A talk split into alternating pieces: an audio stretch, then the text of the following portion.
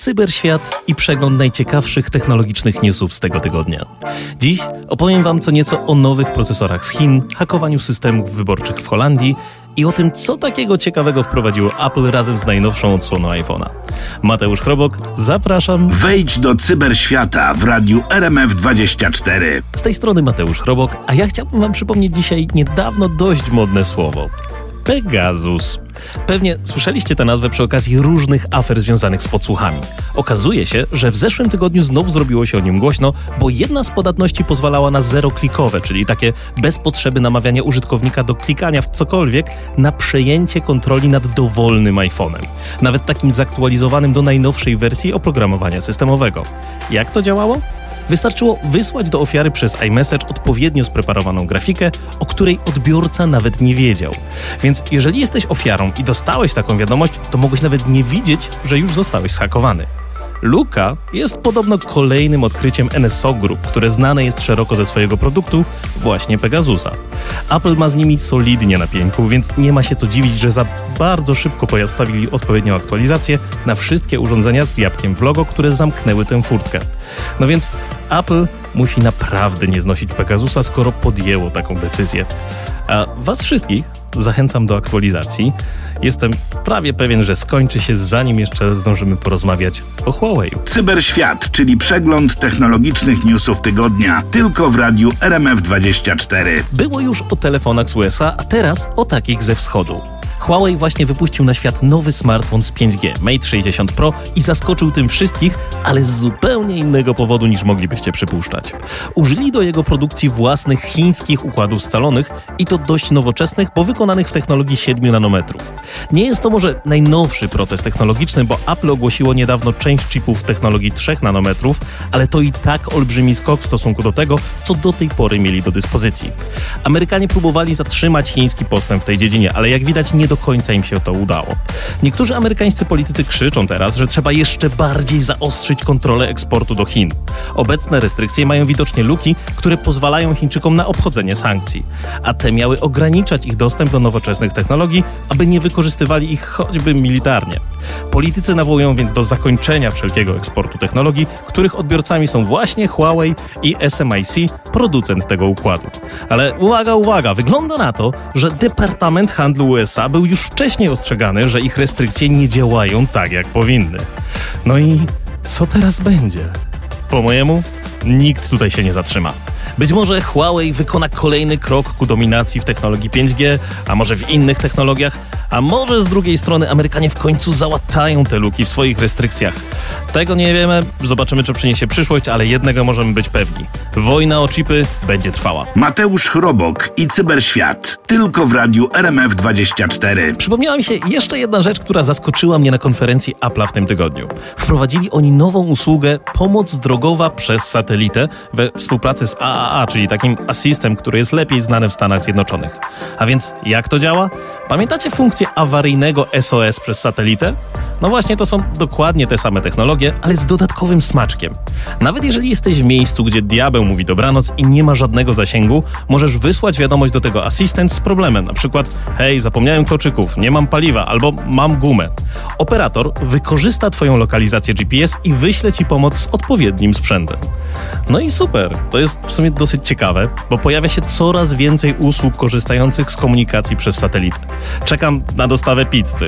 Oczywiście jak na razie działa to tylko dla mieszkańców USA i tylko dla posiadaczy AA, ale kto wie, może niedługo zagości też u nas i będzie można zamówić kebaba, ewentualnie zamówić jakąś inną usługę.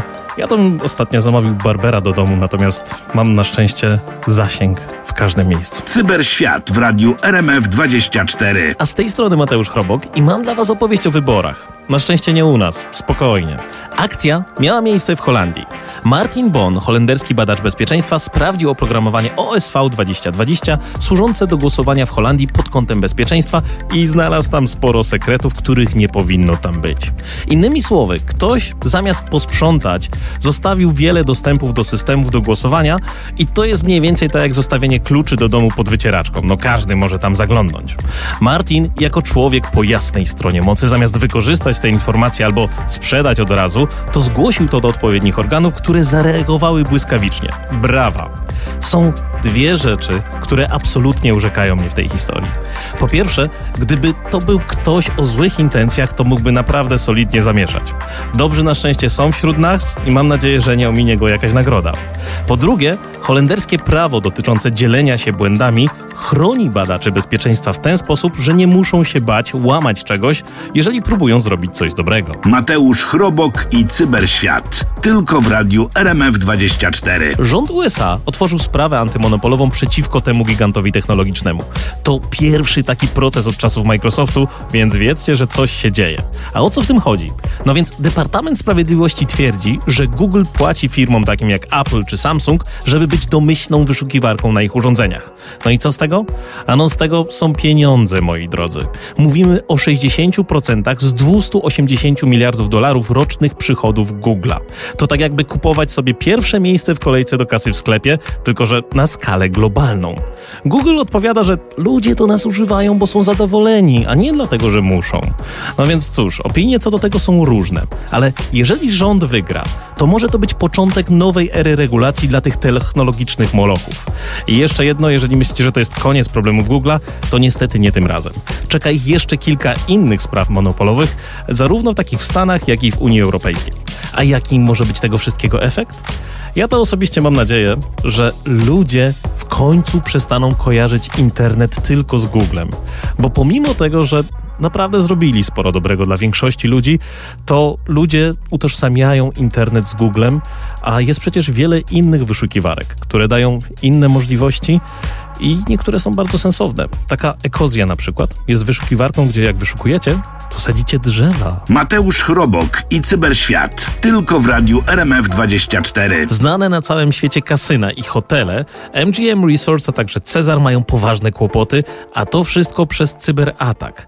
Jest ze mną Marek Bardziński, twórca aplikacji do uwierzytelniania wieloetapowego Tufas, który specjalnie dla mnie wybrał się do kasyna, żeby opowiedzieć nam wszystkim o tym, co się stało. Cześć Maro, heja. Cześć Mateusz. Dziękuję Hej, za zaproszenie. Witam wszystkich. Bardzo fajnie, że, że chciało dzisiaj w ogóle sprawdzić tą sprawę. Marku, e, opowiadałeś mi o tym, że pojechałeś specjalnie do kasyna, żeby sprawdzić, co tam się stało. Opowiedz, co, co się dzieje w Las Vegas? Co jest w mieście grzechu? Tak, no mamy przede wszystkim gorąco i, i, byłem w szoku, bo to był dodatkowo 11 września. Ja zazwyczaj jestem czujny w 11 września, bo różne historie mogą się ten dzień zdarzyć. No i zdarzył się atak hakerski na Las Vegas na MGM Resort. E, a MG Resorts y, posiada w swoim portfolio y, choćby hotel Bellagio, słynący z tańczących fontan, e, New York, New York z rollercoastera, Mandalay Bay. A propos Black Hata, czyli konferencji cyber o cyberbezpieczeństwie. Mhm. No i Zazwyczaj takie sytuacje szybko są opanowywane, bo tutaj dbają o bezpieczeństwo, dużo inwestują w bezpieczeństwo i już od wielu, wielu lat byli okradani poprzez różne urządzenia fizyczne, a dziś jesteśmy online i wszyscy są świadomi, że wszystko jest online i powinni być zabezpieczeni. E, niestety to nie jest pierwszy raz, bo w lutym 2020 roku także mieli włamanie, z której utracili 10 milionów e, klientów podczas atak hakerskich, dane 10 milionów klientów. Mhm. No i trwało to jeden dzień, drugi dzień i pomyślałem, że coś nie gra. Po prostu e, zbyt długo to trwa. Tutaj przyjeżdża Aha. dużo ludzi, e, około 40 milionów rocznie, czyli tak jakby każdy Polak raz w roku przyjeżdżał do Las Vegas.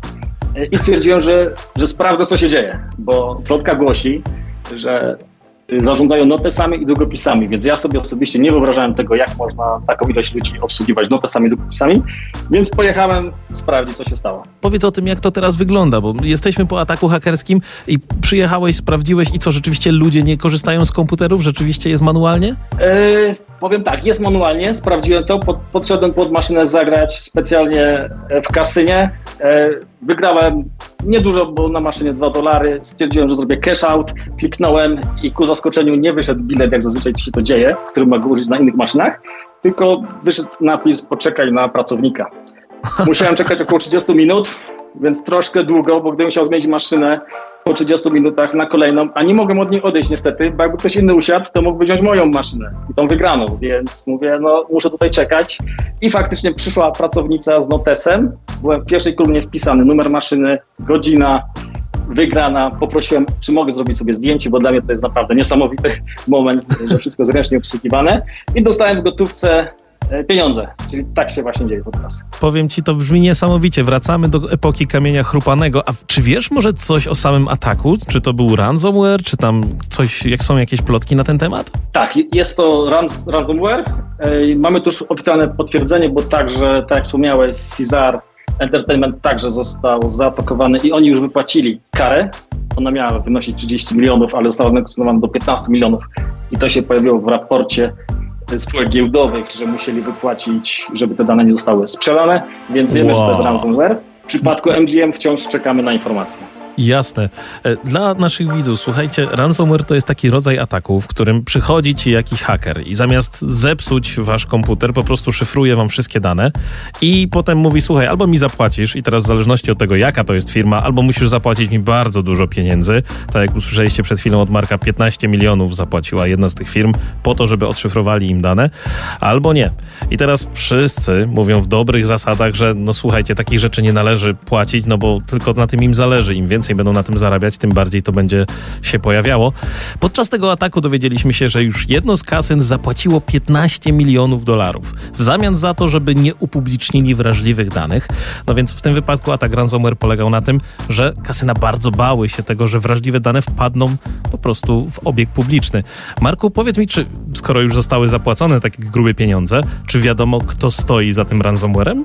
E, tak, najprawdopodobniej jest to grupa Black Cat, która ma na koncie już kilkadziesiąt, o ile nie nawet kilkaset takich przestępstw. E, tutaj z niepotwierdzonych informacji przejęli po prostu konto z IT supportu pracownika i skontaktowali się z innym pracownikiem i, i wgrali ransomware.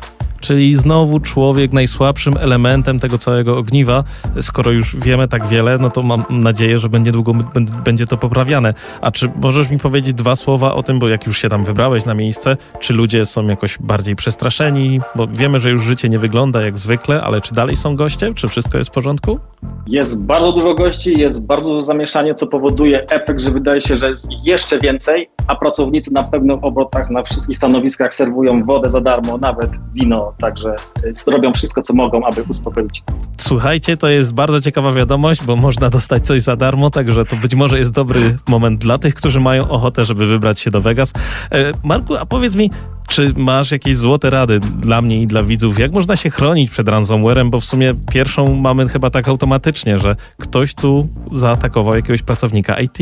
Tak, jest to bardzo trudne pytanie, bo zazwyczaj się na nie odpowiada zawsze tak samo. Nie otwieraj plików z nieznanych źródeł, uważaj na maile, czy pochodzą od odpowiedniej osoby, ale wiemy, że łatwo się mówi, ale zawsze jest ta pokusa, co to jest, klikniemy i to jest ten moment, kiedy robimy dosyć duży błąd. Super, Ansko. To, to jest absolutnie najbardziej popularna z metod. Czasami jeszcze niektóre takie grupy próbują złapać jakieś dane, które wyciekły do kont, czyli na przykład wasze loginy i hasła, które wykorzystujecie także w innych miejscach. Do końca chyba nie wiemy, jak było w tym przypadku, natomiast pamiętajcie, nie ma co otwierać maili od nieznajomych i uważajcie na swoje loginy i hasła. Lepiej w pracy i w domu nie używać tych samych. Maro, bardzo Ci dziękuję. To był Marek Bardziński, twórca otwartej aplikacji do uwierzytelniania wieloetapowego TUFAS, z której de facto sam korzystam z Las Vegas. Bardzo dziękujemy za Twoją uwagę. Bardzo dziękuję. Cyberświat w radiu RMF24. Graliście w Cyberpunka? Ja przeszedłem całego, ale nie mogę już się doczekać nowego dodatku do Cyberpunka Phantom Liberty, który jest już za rogiem. Wszyscy, którzy grali, wiedzą, że ta gra to prawdziwy pożeracz sprzętu i oczywiście najważniejsze do tej pory były karty graficzne. Z nową aktualizacją i dodatkiem Phantom Liberty to już nie tylko karty graficzne będą się podzić. Filip Pierściński, człowiek od programowania scen w CD Projekt Red, zdradził, że gra teraz będzie bardziej wykorzystywać procesory.